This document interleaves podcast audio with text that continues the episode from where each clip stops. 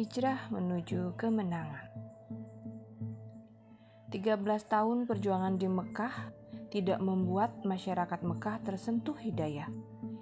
Hijrah ke kota harapan menjadi jawabannya. Segala perjuangan penuh kepiluan sepanjang hijrah terbayar oleh cahaya keberhasilan di Madinah. Hijrah ke Madinah sebagai kota harapan membawa kejayaan Islam.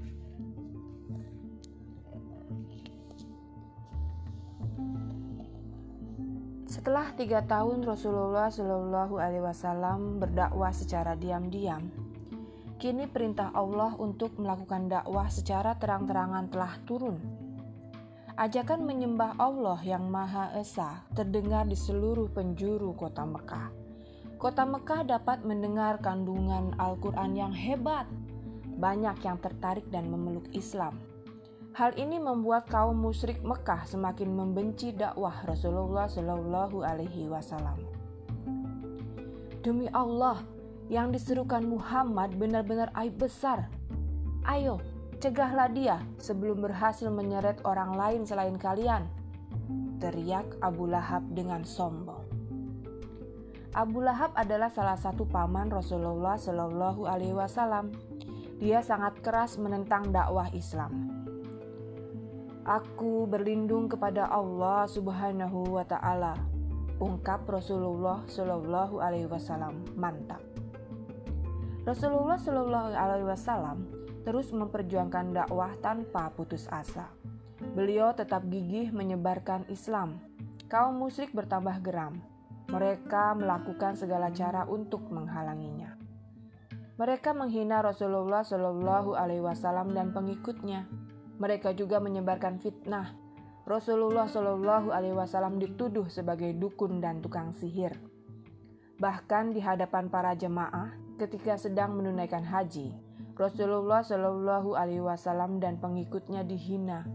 Mereka disebut sebagai orang gila. Mekah tidak lagi ramah. Kebencian kaum musyrik makin jahat.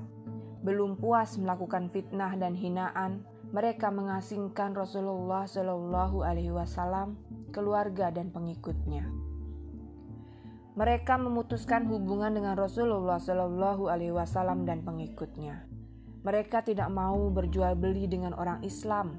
Mereka tidak mau berkumpul dan berbaur. Mereka tidak sudi memasuki rumah, bahkan berbicara dengan Rasulullah Shallallahu Alaihi Wasallam dan pengikutnya. Mereka juga melarang masuknya makanan dan minuman ke tempat pengasingan. Ibu, ibu, ibu. Allah, Allah, Allah. Tangis bayi, rengeran anak-anak, dan jeritan pilu kaum perempuan terdengar jelas dari tempat pengasingan. Tahun ketiga pengasingan, mereka terpaksa memakan dedaunan dan kulit binatang. Keadaan Rasulullah Shallallahu Alaihi Wasallam, keluarga dan pengikutnya semakin memprihatinkan. Penderitaan ini berakhir dengan pertolongan Allah Subhanahu wa taala.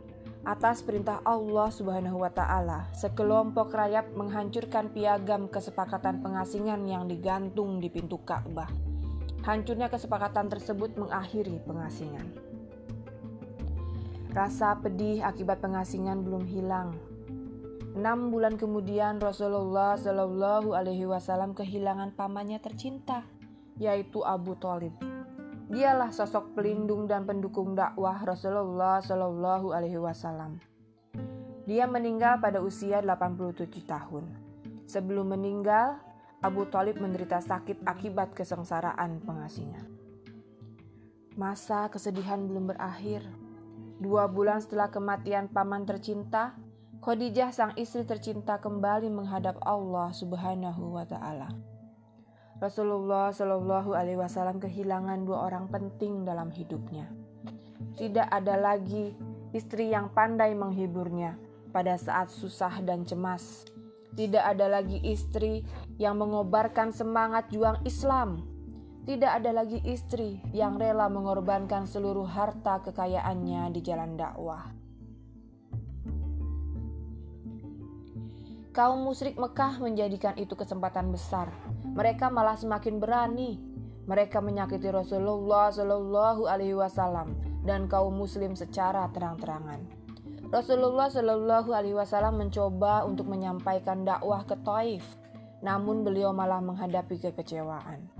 Kaum musyrik Mekah menyakiti Rasulullah Shallallahu Alaihi Wasallam begitu dahsyat tidak pernah aku mendapatkan suatu perlakuan yang aku tidak disukai dari Quraisy hingga Abu Talib wafat. Ujar Rasulullah Shallallahu Alaihi Wasallam.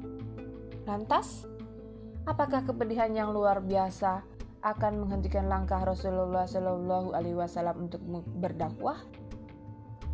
Nantikan kelanjutannya. Terima kasih. Assalamualaikum warahmatullahi wabarakatuh.